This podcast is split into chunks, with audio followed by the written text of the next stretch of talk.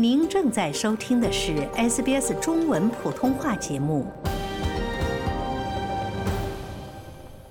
在二零二四年第一次议息会议的前夕，澳大利亚储备银行面临着降息压力，多个州的州长呼吁储备银行降低利率。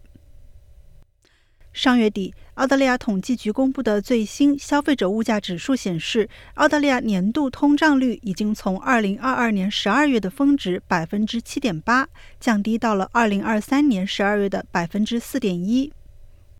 储备银行将于下周二2月6日召开议息会议，澳大利亚多位州长相继发声，呼吁降低利率。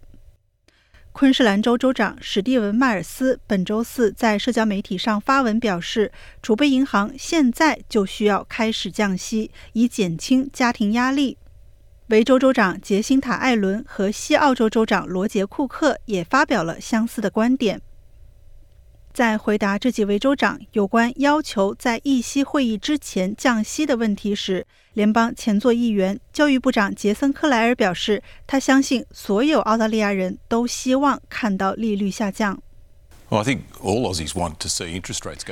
认为所有澳大利亚人都希望看到利率下降。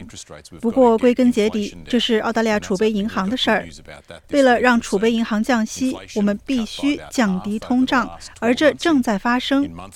本周我们听到了好消息，在过去的十二个月里，通货膨胀率下降了一半左右。月度通货膨胀率在十二个月内从百分之八点四下降到了百分之三点。四，这很好。如果通胀能够降低，我们就将看到利率下降。我们知道有很多澳大利亚人生活艰难，我们希望看到他们的利率下降。与此同时，专家普遍预测，抵押贷款持有人在会议后有望得到喘息的机会。金融比较网站 Finder 对二十七位专业人士进行了调查。他们普遍认为，储备银行会将现金利率维持在百分之四点三五不变，而联邦银行、西泰银行和国民银行也预测将会暂停加息。独立经济学者索尔·埃斯莱克通过 Finder 评论称，十二月的季度数据足以排除储备银行再次加息的任何可能性。但在我看来，这一数据还不能足以支持他们在此次会议上做出降息的决定。埃斯莱克不认为今年储备银行会降息，国民银行、西泰银行和联邦银行则表示存在降息的可能。